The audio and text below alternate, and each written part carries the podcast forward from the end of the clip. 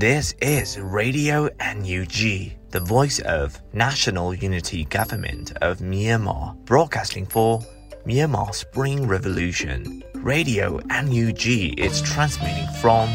shortwave 16 meter 17.79 megahertz at 8:30 a.m. and 25 meter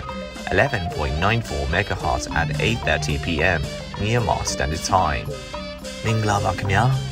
အမျိုးသားညီညွတ်ရေးအစိုးရရဲ့အတန်လွင့်ဌာန Radio NUG ကို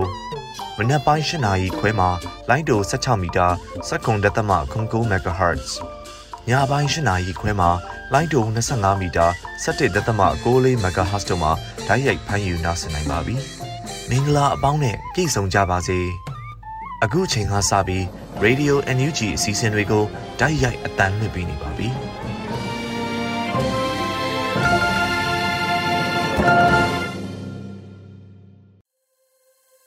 လေးစားအပ်တဲ့သောတာရှင်များခင်ဗျာ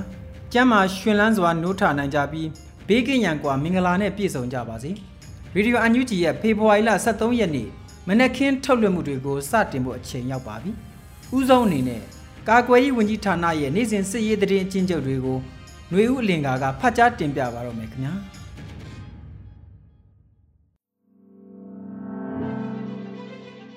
ကာကွယ်ဝင်ကြီးဌာနအမျိုးသားညီညွတ်ရေးဆိုရမှ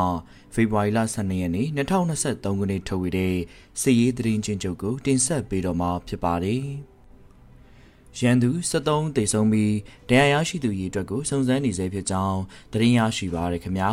။အာနာသိန်းချမ်းဖက်စစ်တပ်နဲ့တိုက်ပွဲဖြစ်ပွားမှုသတင်းတွေကိုတင်ဆက်ပေးကြပါမယ်။ကရင်ပြည်နယ်မှာဖေဖော်ဝါရီလ17ရက်နေ့မနက်9:00နာရီခန့်ကကော့ဂရိတ်မြို့နယ်တရအုပ်ရက်ကွက်မှာရန်သူတပ်ရဲ့ ညောင်မေအောက်ဂိတ်စကန်ကို KNL PDF ပူးပေါင်းတပ်ဖွဲ့ကဝင်ရောက်တိုက်ခိုက်ခဲ့ရာစစ်သား6ဦးသေဆုံးပြီးပြည်စတိုတနက်တလက် MA3 နှစ်လက် G-box ၄ခု RPG ခုနှစ်ဘုံဒီတလုံးသိမ်းဆည်းရမိခဲ့ပြီးပူးပေါင်းတပ်မှရဲဘော်2ဦးမစိုးရင်ရတဲ့ဒဏ်ရာရရှိခဲ့ကြောင်းသတင်းရရှိပါရခင်ဗျာရှမ်းပြည်နယ်မှာ ဖေဖော်ဝါရီလ17ရက်နေ့ညပိုင်းကဖေခုံမြို့နယ်ဖေခုံမြို့ခြေဆိုင်ခမာယာ3336တဝင်းတွင်သို့ဖေခုံ PDF နဲ့အလဲပိုင်းတိုင်းအထူးစစ်စင်ရေးဖွဲ့တို့ကရှော့တိုက်တုံးနဲ့တွားရောက်တိုက်ခိုက်ခဲ့ရာတဝင်းတွင်တလုံးကြားရောက်ခဲ့ပြီး EPC ဝင်းတွင်တလုံးကြားရောက်ခဲ့ကြောင်းသတင်းရရှိပါရခင်ဗျာ မွန်ပြည်နယ်မှာဖေဖော်ဝါရီလ17ရက်နေ့မနက်8:55မိနစ်ချိန်ခန့်ကကြိုက်ထူမြို့နယ်အင်္ဂဘိုကျေးရွာကုတ်ကိုးကျန်အနီးရန်ကုန်မော်လမြိုင် highway လမ်းမကြီးတနေရာ၌ရန်သူကားတိုင်းကိုမိုင်းဆွဲရန်ဆောင်စမ်းနေစဉ်ရန်သူကင်ပုံနှင့်တိုး၍ထိတွေ့မှုဖြစ်ပွားခဲ့ကြောင်းသတင်းရရှိပါရခင်ဗျာ စကိုင်းတိုင်းမှာဖေဖော်ဝါရီလ12ရက်နေ့မနက်10:20မိနစ်အချိန်ခန့်ကရွှေဘိုမြို့နယ်တီးလုံးကျေးရွာမှာရန်သူတပ်သားနဲ့ပြူစောတိ90ခန်းကကြောက်မြင့်ရွာဘက်သို့လက်နက်ကြီးလက်နက်ငယ်များနဲ့ဝင်ရောက်ပစ်ခတ်ခဲ့စဉ်ဒေသခံကာကွယ်တပ်ဖွဲ့များထောင်ထားတဲ့မိုင်းတစ်ကြိမ်ထိခဲ့ရာထိခိုက်မှုရှိခဲ့ပါတယ်။ကြောက်မြင့်ရွာကိုရန်သူတပ်သားများဝင်ရောက်ခဲ့ပြီးနေအိမ်များကိုမိရှုခဲ့ရာတင့်တယ်ရွာသို့ဆက်လက်ထွက်ခွာခဲ့ပြီးတင့်တယ်ရွာအနီးမှာရန်သူတပ်သားများနဲ့ ရှေးဘူတိုက်နယ်နှင့်ဒေသခံကာကွယ်အဖွဲ့များမဟာမိတ်များမှခုခံကာကွယ်တိုက်ခိုက်ခဲ့ရာရန်သူတပ်သားနှင့်ပြူစောတိများထိခိုက်ဒေဆုံးမှုရှိခဲ့ပြီးတင့်တယ်ရသို့ရန်သူတပ်သားများဝင်ရောက်ခဲ့ပြီးနေအိမ်များကိုမိရှုဖျက်ဆီးခဲ့ကြောင်းသတင်းရရှိပါရခင်ဗျာမကွေးတိုင်းမှာဖေဖော်ဝါရီလ17ရက်နေ့မနက်6နာရီမှမနက်8:45နာရီချိန်ထိပခုတ်ကူမြို့နယ်မြစ်ချေဒေသအခြေပြုရန်သူလက်အောက်ခံစေဝါထောက်ပံ့ရေး BPI နဲ့မွေးမြူရေးမြင့်တက်ကို မြိုင်မြို့နယ်ပြည်သူ့ကာကွယ်တပ်ဖွဲ့တရင်နှင့်တက်ခွဲ1တက်ခွဲ2တက်ခွဲ3မြစ်ချေကျွန်းချောင်းပြည်သူ့ကာကွယ်တပ်ဖွဲ့ MCKC Earthquake People Defense Force Area Team ဘာဂျာ drone တပ်ဖွဲ့ပူးပေါင်းကစီးနှင်းတိုက်ခိုက်ခဲ့တဲ့အတွက်ကြောင့်ရန်သူဘက်မှအရာရှိအဆင့်ရှိသူ2ဦးနဲ့တပ်သား5ဦးတိုက်ပွဲတွင်သေဆုံးခဲ့ပြီးတက်ကြက်အဆင့်ရှိသူတဦးပါဝင်ရန်သူတပ်ဖွဲ့ဝင်3ဦးကိုစစ်တုံးပန်းဖြင့်ဖမ်းဆီးထိန်းသိမ်းနိုင်ခဲ့ပါတယ်။တိုက်ပွဲဖြစ်စဉ်ပြီးတော့ မနက်9:20မိနစ်အချိန်ခန့်မှာရန်သူတပ်ဖွဲ့ဝင်များဘက်က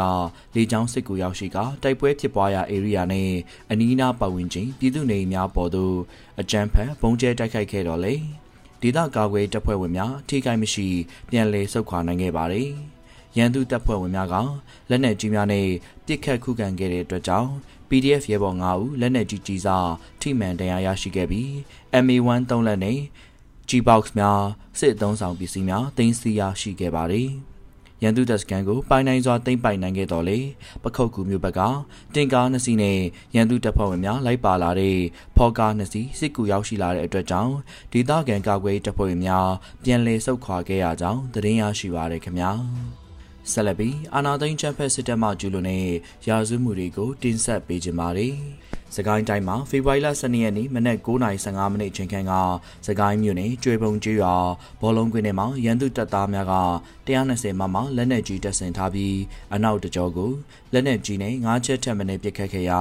စကိုင်းမြို့နယ်တပရင်ကွဲကျွော်နဲ့မြင်းမှုမြို့နယ်ဂုံညင်းစိတ်ကျွော်ဘက်သို့ကြားရောက်ပောက်ခွဲခဲ့ပြီးဂုံညင်းစိတ်ရွာတောင်ဝိုင်းရှိအိမ်ပေါ်သို့ကြားရောက်ခဲ့ရာ အရသာပြည်သူသုံးထိခိုက်ခဲ့ပြီးတူအသက်အနေစိုးရင်ရက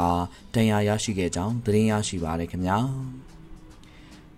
မကွေးတိုင်းမှာဖေဖော်ဝါရီလ17ရက်နေ့ကဆလင်းမြို့နယ်ဆလင်းကံပြလမ်းဆောင်အနီးမှာရန်သူလုံခြုံရေးတပ်သားများကပြည်သူလေးဦးကိုအကြမ်းဖက်ပစ်ခတ်ခဲ့ပြီးနောက်ငဖဲမြို့နယ်ဗဒန်းမြို့မှာပြည်သူတအူဖမ်းဆီးပစ်တက်ခဲ့ရတဲ့အတွက်ကြောင့်နေရာ၌ပင်တေဆုံးသွားခဲ့ကြောင်းသတင်းရရှိပါရခင်ဗျာ မန္တလေးတိုင်းမှာဖေဖော်ဝါရီလ12ရက်နေ့ညနေ4နာရီခန့်ကငစုံမြို့နယ်ငမြကြီးကျွန်းပေါ်သို့နဇာတိုက်သွားနေတဲ့ငနန်းရွာသားနှစ်ဦးဖြစ်တဲ့တန်းထိုက်စုအသက်19နှစ်နဲ့ဘူးကြီးအသက်22နှစ်တို့အားရန်သူတပ်များမှဖမ်းဆီးသွားခဲ့ကြောင်းသတင်းရရှိပါရခင်ဗျာ။ပဲခူးတိုင်းမှာဖေဖော်ဝါရီလ17ရက်နေ့မနက်4:45မိနစ်အချိန်ခန့်ကညောင်လေးပင်မြို့နယ်ပဇွန်မြောင်းကြီးရွာ KNU ကရင်မျိုးသားစီယုံကော်တူလေးအုပ်ချုပ်နေပြီ ခလဲလူထုခရိုင်တပ်မဟာ3စောတိမြို့နယ်မှာတက်ဆွဲထားတဲ့ရန်သူညောင်လေးပင်အခြေဆိုင်ခမာယာ20ကလက်နက်ကြီး၃လုံးနဲ့ပစ်ခတ်ခဲ့ရာညောင်မင်းကြီးကျွာမှာကြားရောက်ပောက်ကွဲခဲ့တဲ့အတွက်ကြောင့်ညောင်မင်းကြီးကျွာရှိညာစုလိုက်40နှစ်နဲ့တမိဖြစ်သူမက်ဖြူဆိုရီတို့ဒဏ်ရာရရှိကမစိုးရင်ရသဖြင့်ညောင်လေးပင်စေယုံတို့တင်ပို့ခဲ့ပြီးမတ်တန်တန်36နှစ်ဟာဒဏ်ရာစိုးရင်ရတဲ့အတွက်ကြောင့်ပဲခူးစေယုံတို့ဆက်လက်ပို့ဆောင်ကုသပေးခဲ့ရကြောင်းသတင်းရရှိပါရခင်ဗျာ ယခုတင်ဆက်သွားတဲ့သတင်းတွေကိုမြေပြင်သတင်းတာဝန်ခံများနဲ့သတင်းဌာနတွေမှာဖော်ပြလာတဲ့အချက်လက်တွေပေါ်အခြေခံပြုစုထားခြင်းဖြစ်ပါတယ်ကျွန်တော်ကတော့ຫນွေဦးလင်ပါ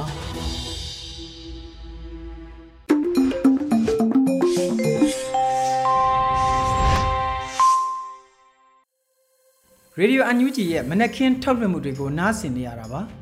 အခုတပတ်နောက်ဆုံးရသတင်းတွေကိုစောတဲလူနေကတင်ပြပါဦးမယ်ခင်ဗျာ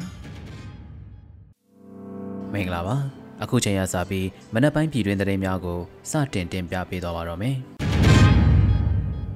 လူမျိုးကြီးဝါဒနဲ့စစ်အာဏာရှင်အဆက်ဆက်ကြောင့်ယနေ့ထိပင်လုံဂတိကဝတ်ကိုအကောင့်ထဲမဖော်နိုင်ဖြစ်နေရတယ်လို့ယာယီသမရဒူဝါလက်ရှိလဆိုလိုက်တဲ့သတင်းကိုပထမဦးဆုံးတင်ပြပေးသွားပါမယ်။ဖေဖော်ဝါရီလ12ရက်နေ့ຫນွေဦးတော်လိုင်းရေးလူလူတိုက်ပွဲနှစ်နှစ်ပြည့်လှုပ်ရှားမှုအတွက်အမျိုးသားညီညွတ်ရေးအစိုးရ၏ယာယီသမရဒူဝါလက်ရှိလာပေးပို့သည့်ဂုံပြုအားပေးအမှာစကားမှာအခုလိုထည့်သွင်းဆိုထားခြင်းဖြစ်ပါတယ်။ ဒီနေ့ဟာဗိုလ်ချုပ်အောင်ဆန်းနဲ့တိုင်းရင်းသားခေါင်းဆောင်ကြီးများပင်လုံစာချုပ်ချုပ်ဆိုပြီးပြည်ထောင်စုမြန်မာနိုင်ငံအဖြစ်လွတ်လပ်ရေးရယူဖို့လက်မှတ်ရေးထိုးခဲ့တဲ့နေ့လည်းဖြစ်ပါတယ်။လွတ်လပ်မှုတန်းတူညီမျှမှုအတွက်ဂတိပြုလက်မှတ်ရေးထိုးခဲ့ကြပေမဲ့လူမျိုးကြီးဝါဒနဲ့စစ်အာဏာရှင်အဆက်ဆက်ကြောင့်ယနေ့အထိပင်လုံဂတိကဝတ်ကိုအကောင့်ထဲမဖော်နိုင်ပဲတိုင်းရင်းသားပြည်သူအပေါင်းဟာအာဏာချုပ်ကင်ထားသူအပေါင်းရဲ့ဝါမျိုးမှုကိုခံနေရဆဲဖြစ်ပါတယ်လို့ဆိုထားပါတယ် လက်ရှိမှာတော့အာနာလူစစ်တပ်ကိုတိုင်းရင်းသားတော်လှန်ရေးအင်အားစုများနဲ့အမျိုးသားညီညွတ်ရေးအစိုးရတို့ဟာစစ်ရေးနိုင်ငံရေးအရာပူးပေါင်းတော်လှန်နေတဲ့အရှိကြောင်းသတင်းရရှိပါရခင်ဗျာ အခုဆက်လက်တင်ပြပေးသွားမှာကတော့အကြမ်းဖက်စစ်ကောင်စီအာဏာသိမ်းမှုမအောင်မြင်သေးဘူးလို့နိုင်ငံခြားရေးဝန်ကြီးဒေါ်စင်မအောင်ဆိုလိုက်တဲ့သတင်းပဲဖြစ်ပါတယ်။ဖေဖော်ဝါရီလ17ရက်အမေရိကန်နိုင်ငံနယူးယောက်မြန်မာလူထုတွေ့ဆုံပွဲမှာဝန်ကြီးကအခုလိုပြောကြားခဲ့ခြင်းဖြစ်ပါတယ်။အကြမ်းဖက်စစ်ကောင်စီဟာအခုချိန်ထိအုပ်ချုပ်လို့မရသေးပါဘူး။အခုချိန်ထိအာဏာသိမ်းတာမအောင်မြင်သေးဘူး ပြောရမယ်ဆိုလို့ရှိရင်နိုင်ငံတကာစာမျက်နှာမှာလည်းအခုချိန်ထိအစိုးရတရက်ကိုစားပြုရလို့အနေအထားမျိုးမတွေ့ရသေးသလိုပြည်တွင်းမှာဆိုလို့ရှိရင်လည်းဖေဖော်ဝါရီလ၁ရက်နေ့က Silent Strikes ကတသေးပေါ်ပြည်သူလူထုကဘလောက်ထိစစ်အာဏာသိမ်းမှုကိုလက်မခံကြဘူးလဲညှင်းဆန်နေကြတယ်လဲဆိုတာအတန်တိတ်ပြီးအကျယ်လောင်ဆုံးထုတ်ဖော်ခဲ့ကြပြီးဟစ်ကြွေးခဲ့ကြပြီးဖြစ်တယ်လို့ဝန်ကြီးကဆိုထားပါတယ် 2021ခုနှစ်ဖေဖော်ဝါရီလ၁ရက်နေ့ကစတင်တဲ့စစ်တပ်အာဏာလုယူမှုဟာယနေ့အချိန်ထိတိုင်းပြည်တည်ငြိမ်မှုမရရှိဘဲတစ်နှစ်ကျော်အတွင်းမှာစစ်ကောင်စီတပ်ဖွဲ့ဝင်ပေါင်း2000ကျော်သေဆုံးထားပြီးဖြစ်ကြောင်းသတင်းရရှိပါရခင်ဗျာ။ထောင်တွင်းတာဝန်ရှိသူတွေအလှည့်ကျရင်အမှုတွေအလိုက်ရင်ဆိုင်မှုပြင်ဆင်ထားကြရန် NUG လူခွင့်ရေးဆိုင်ရာပြည်ထောင်စုဝန်ကြီးဦးအောင်မျိုးမင်းကတတိပေးပြောဆိုလိုက်တဲ့သတင်းကိုဆက်လက်တင်ပြပေးသွားပါမယ်။ ဖေဖော်ဝါရီလ12ရက်နေ့မှာ NUG လူခွင့်ရေးဆိုင်ရာဝန်ကြီးကအကျဉ်းထောင်နဲ့ပတ်သက်လို့အခုလိုပြောကြားခဲ့ပါတယ်။ထောင်တွင်းတာဝန်ရှိသူတွေရဲ့ရာဇဝတ်စည်ရင်းတွေတိုးတိုးလာနေပါတယ်။အလှည့်ကြရင်အမှုတွေအလိုက်ရင်ဆိုင်မှုပြင်ထားကြပါလို့ဝန်ကြီးကဆိုထားတာဖြစ်ပါတယ်။ မန္တလေးဗဟိုအကျဉ်းတောင်အိုဘိုတွင်ဖေဖော်ဝါရီလ3ရက်နေ့နှင့်4ရက်နေ့များတွင်ဖြစ်ပွားခဲ့သောနိုင်ငံရေးအကျဉ်းသားအမျိုးသမီးအိတ်ဆောင်တွင်သို့ထောင်ဝင်တန်းနှင့်စီကံတိန်အကျဉ်းသားအမျိုးသား150ခန့်ဝင်ရောက်အကြမ်းဖက်ရိုက်နှက်မှုများဖြစ်ပွားခဲ့ပါသည်အဆိုပါအကြမ်းဖက်မှုဖြစ်စဉ်တွင်73ဦးပြင်းထန်တရားရရှိခဲ့ပြီးနောက်ဆက်တွဲဖြစ်စဉ်တွင်အမျိုးသမီးနိုင်ငံရေးအကျဉ်းသူ82ဦးကိုပြစ်ဒဏ်တိုက်သို့ပြောင်းရွှေ့ခဲ့ပြီးထောင်ဝင်စာတစ်လပိတ်ပင်ခဲ့ကြောင်းသိရရှိပါရခင်ဗျာအခုတခါ သွေးချင်းချစ်ကြည်အောင်ပွဲစီတို့အခမ်းအနားကိုပြည်ထောင်စုဝန်ကြီးဒေါက်ခင်မမမျိုးပါဝင်တက်ရောက်ခဲ့တဲ့တဲ့တင်အားတင်ပြပေးသွားပါဦးမယ်။ဖေဖော်ဝါရီလ12ရက်နေ့မှာစီးပွားရေးနဲ့ကုသန်းရောင်းဝယ်ရေးဝန်ကြီးဌာနကအခုလိုဆိုထားပါတယ်။ UK နိုင်ငံခြေဆိုင်ပြည်ထောင်စုဘွားတိုင်းရင်းသားများမှစူးစီးရေးကျင်းပသောသွေးချင်းချစ်ကြည်အောင်ပွဲစီတို့အခမ်းအနားကိုဖေဖော်ဝါရီလ17ရက်နေ့တွင်လန်ဒန်မြို့၌ကျင်းပခဲ့ရာစီးပွားရေးနှင့်ကုသန်းရောင်းဝယ်ရေးဝန်ကြီးဌာနပြည်ထောင်စုဝန်ကြီးပါဝင်တက်ရောက်ခဲ့တယ်လို့ဖော်ပြထားပါတယ်။ အခမ်းအနားအစီအစဉ်နဲ့တဆက်တည်းတွင် Federal စကားဝိုင်းကိုလည်းကျင်းပခဲ့ကြရာအမျိုးသားညီညွတ်ရေးဆိုရအဖွဲ့ဝင်များ UK ခြေစိုက်ကချင်တိုင်းရင်းသားခေါင်းဆောင်တို့နဲ့အတူပြည်ထောင်စုဘွားတိုင်းရင်းသားများမှပါဝင်ဆွေးနွေးခဲ့ကြကြောင်းတင်ရရှိပါရခင်ဗျာအခုတခါတင်ပြပေးသွားမှာကတော့အမျိုးသားဒီမိုကရေစီအဖွဲ့ချုပ်သည်ဘုံရီမန်းချက်တူအင်အားစုများနဲ့ပူးပေါင်းဆောင်ရွက်ကြရန်ကြိုးပမ်းအားထုတ်လျက်ရှိတယ်လို့သတင်းထုတ်ပြန်လိုက်တဲ့သတင်းပဲဖြစ်ပါတယ်။ဖေဖော်ဝါရီလ12ရက်86နှစ်မြောက်ပင်လုံစာချုပ်ချုပ်ဆိုခြင်းအခမ်းအနားသို့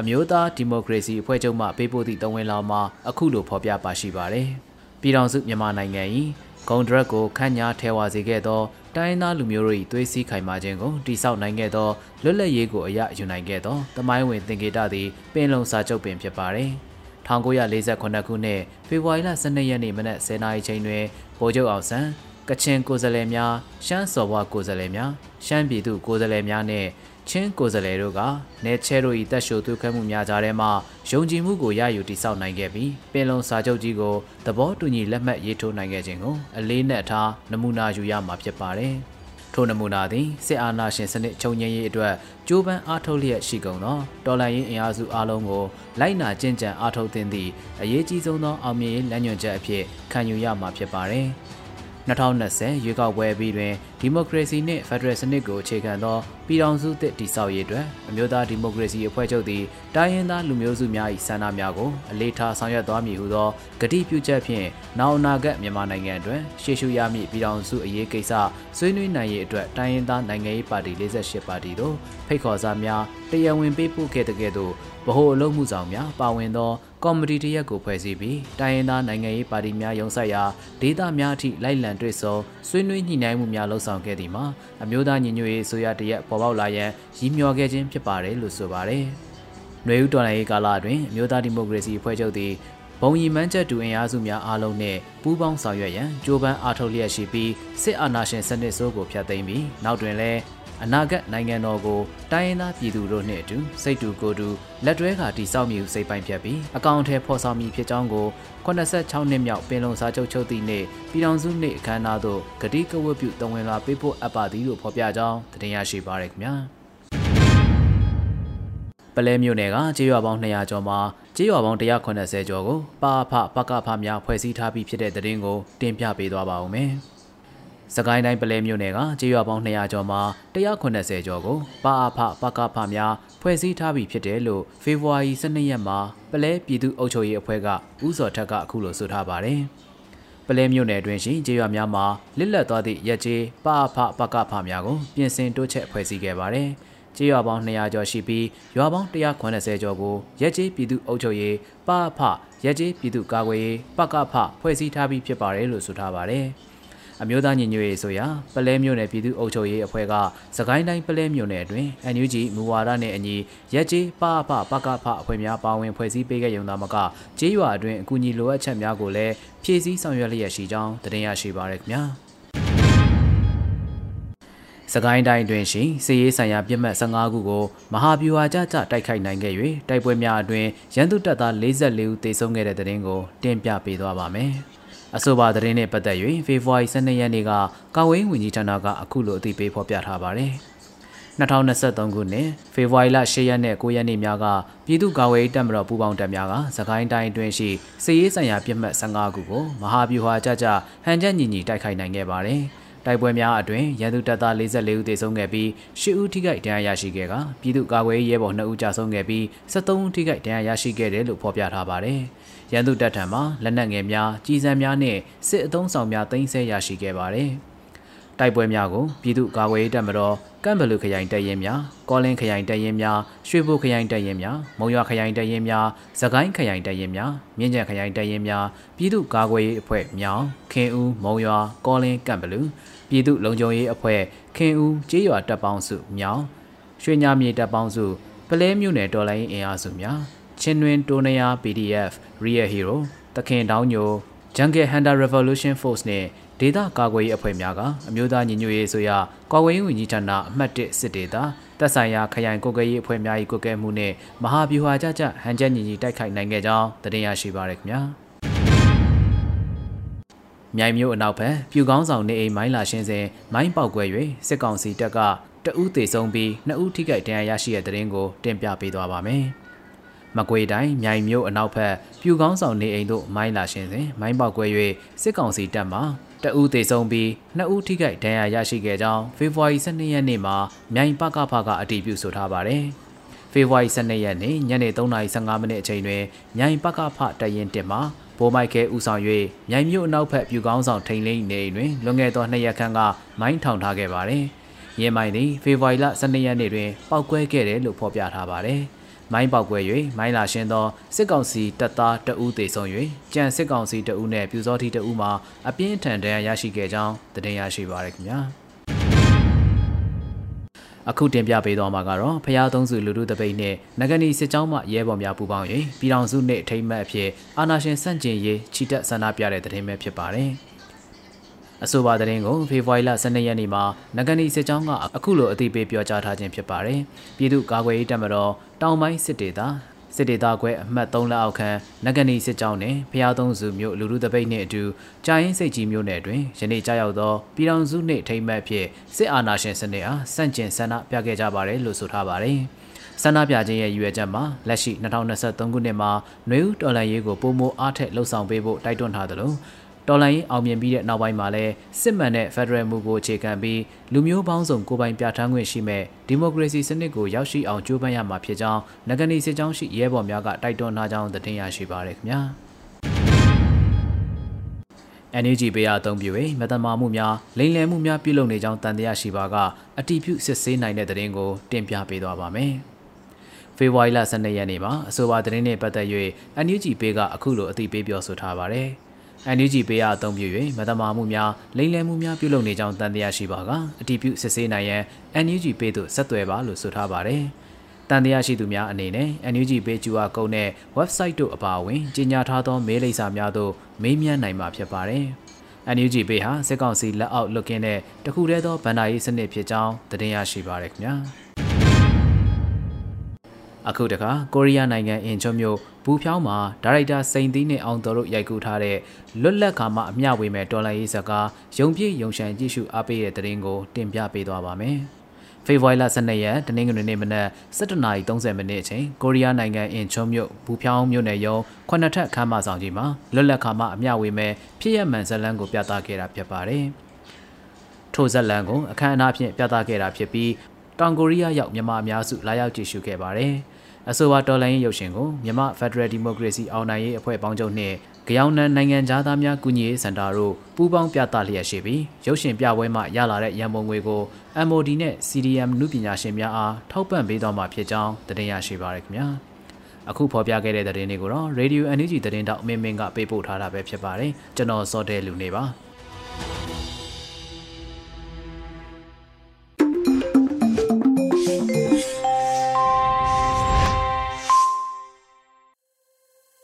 တောတာရှင်များခင်ဗျာ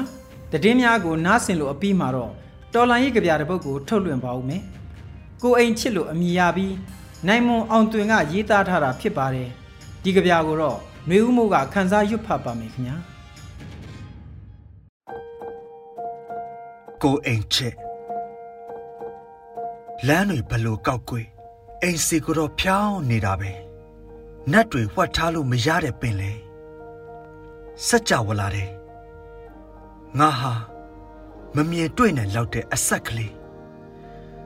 အဲ့ဒီအဆက်ကလေးကိုပဲရဲရဲဆက်ဆက်လွမ်းနေကြတဲ့သူတွေရှိရာငါတို့အိမ်ငါပြန်ခဲ့မယ်နှစ်တန်းတစ်ထောင်ကြာလဲငါပြန်လာခဲ့ပါမယ်စัจ java လာကြီးတဲ့နောက်ထပ်စัจ java လာအသက်တွေဘယ်လောက်ပဲရှိရှိတကားခောက်တန်ကို တဲဆောင်လာသူလေညင်းလေးလေလွင့်နေတဲ့နှလုံးသားကိုပကုံးဖတ်ခေါ်လာခဲ့ပေးပါငါဟာပင်လေငါဟာမမြင်တွေ့နိုင်လောက်အောင်သေးငယ်လှတဲ့အဆက်ကလေးငါဟာနှစ်တန်းပေါင်းတစ်ထောင်ငါဟာတကားခောက်တန်ကိုတဲဆောင်လာသူလေညင်းလေးနတ်ဆိုးမိတ်စာတို့အကွဲပြူကြကြချင်းအင်လေကားရင်မှာ ရောက်နေနေပြီးသားဖြစ်စေရမယ်ငါအရင်စေဘဝစက်ကပါကလေးကထာဝရကိုအင်ချေနိုင်မောအောင်သွင်း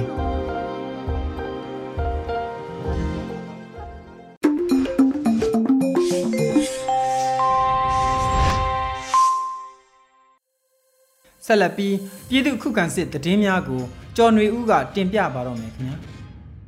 ပထမဦးစွာတင်ဆက်မှာက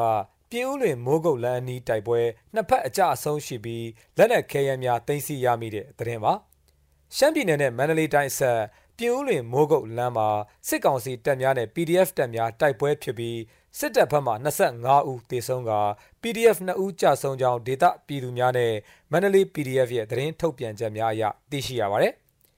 ဖေဖော်ဝါရီလ10ရက်နေ့နနက်9နာရီကျော်အချိန်မှစတင်ကပြင်းဦးလွင်မိုးကုတ်လန်း ဒိုပင်းကျေးရွာနဲ့လုံခမ်းကျေးရွာအနီးမှာ PDF တပ်များနဲ့စစ်ကောင်စီတပ်များအကြားတိုက်ပွဲစတင်ဖြစ်ပွားခဲ့ကြောင်းမြေပြင်တိုက်ပွဲများပြင်းထန်စွာဖြစ်ပွားသည့်အပြင်စစ်ကောင်စီက MI35 တိုက်ခိုက်ရေးရဟတ်ယာဉ်များကိုအသုံးပြု၍၎င်းတိုက်လေယာဉ်များကိုအသုံးပြု၍၃ချိန်တိုင်တိုင်လေကြောင်းပစ်ကူပေး၍၎င်းထိုးစစ်ဆင်ခဲ့ကြောင်း တိုက်ပွဲအတွင်းစစ်တပ်ဘက်မှ25ဦးသေဆုံးကြောင်းမျက်မြင်အတည်ပြုနိုင်ခဲ့ပြီးလက်နက်ခဲယမ်းအများပြားသိမ်းဆည်းရမိကြောင်းတိုက်ပွဲအချိန်6နာရီကြာမြင့်ခဲ့ပြီးတိုက်ပွဲအတွင်း PDF ရဲဘော်စစ်နိုင်တဲ့ရဲဘော်ဖိုးဝါတို့ကြာဆုံးခဲ့ရကြောင်းမန္တလေး PDF ကထုတ်ပြန်ထားပါတယ်။မုံရွာချောင်းဦးလမ်းပိုင်းမှာစစ်တပ်ရင်နှန်းကိုမိုင်းဆွဲတိုက်ခိုက်မှုစစ်ကားတစ်စီးထိမှန်တဲ့တဲ့တင်ဆက်ပါမယ်။ စကိုင်းတိုင်း6ဦးမြို့နယ်မုံရွာမန္တလေးအမြန်လမ်းကြီးမုံရွာ6ဦးလမ်းပိုင်းတနေရာမှာစစ်ရင်နှန်းကိုပရိသာမိုင်းဆွဲတိုက်ခိုက်ခဲ့ရာ၃စီးမြောက်ကားကိုထိထိမိမိထိမှန်ခဲ့ကြောင်းမုံရွာခရိုင်တပ်ရင်း7သတင်းနှင့်ပြန်ကြားရေးအဖွဲ့ကဆိုပါတယ်။ယနေ့ဖေဖော်ဝါရီလ12ရက်နေ့နနက်4:25မိနစ်ကမုံရွာမြို့မှာ6ဦးမျိုးတို့လာရောက်တဲ့အကြမ်းဖက်စစ်ကား6စီးကိုပြည်သူ့ကာကွယ်တပ်ဖွဲ့မှဗဒေသာမိုင်း3လုံးဖြင့်ဖောက်ခွဲတိုက်ခိုက်ခဲ့ရာ ရင်ထဲရဲ့3စီးမြောက်ကားကိုထိထိမိမိထိမှန်ခဲ့ပြီးစစ်ကောင်စီအထိကိုက်ကိုတော့မသိရသေးဘူးလို့ဆိုပါတယ်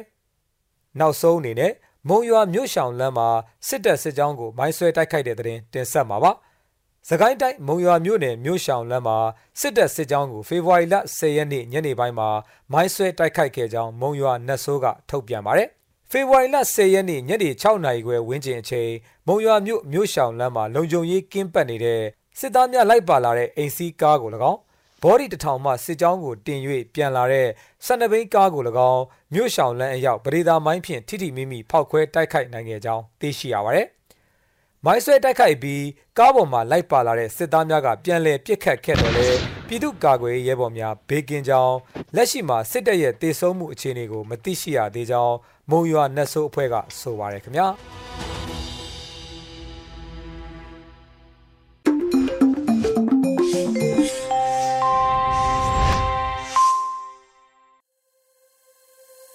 တည်င်းများကိုအစုံလင်နားဆင်လို့အပြီးမှာ Justice ဆိုတဲ့တော်လိုင်းတေးဂီတာတစ်ပုဒ်ကိုနောက်ဆုံးအနေနဲ့ထုတ်လွှင့်ပေးလိုက်ပါတယ်။ຫນွေဦးချစ်သူကရေးသားပြီးအဆိုတော်တူတူနဲ့အဖွဲ့ကတီးဆိုထားတာဖြစ်ပါတယ်ခင်ဗျာ။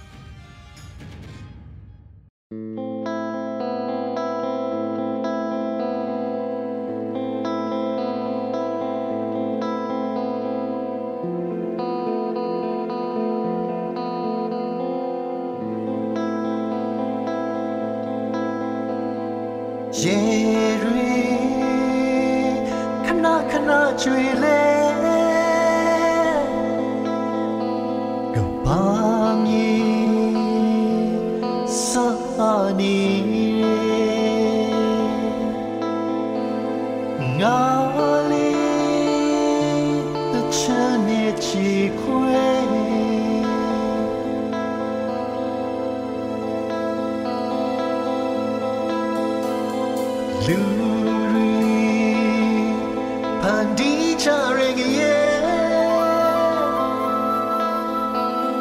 ကံကိုလွေမချပါ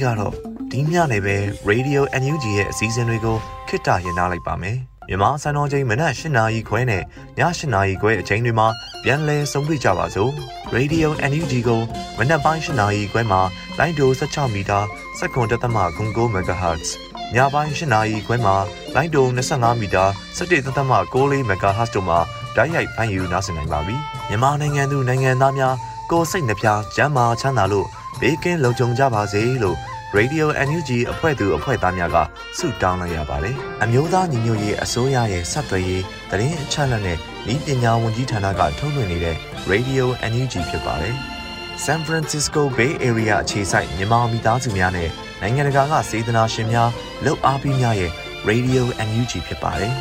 ။အရေးတော်ပုံအောင်ရမည်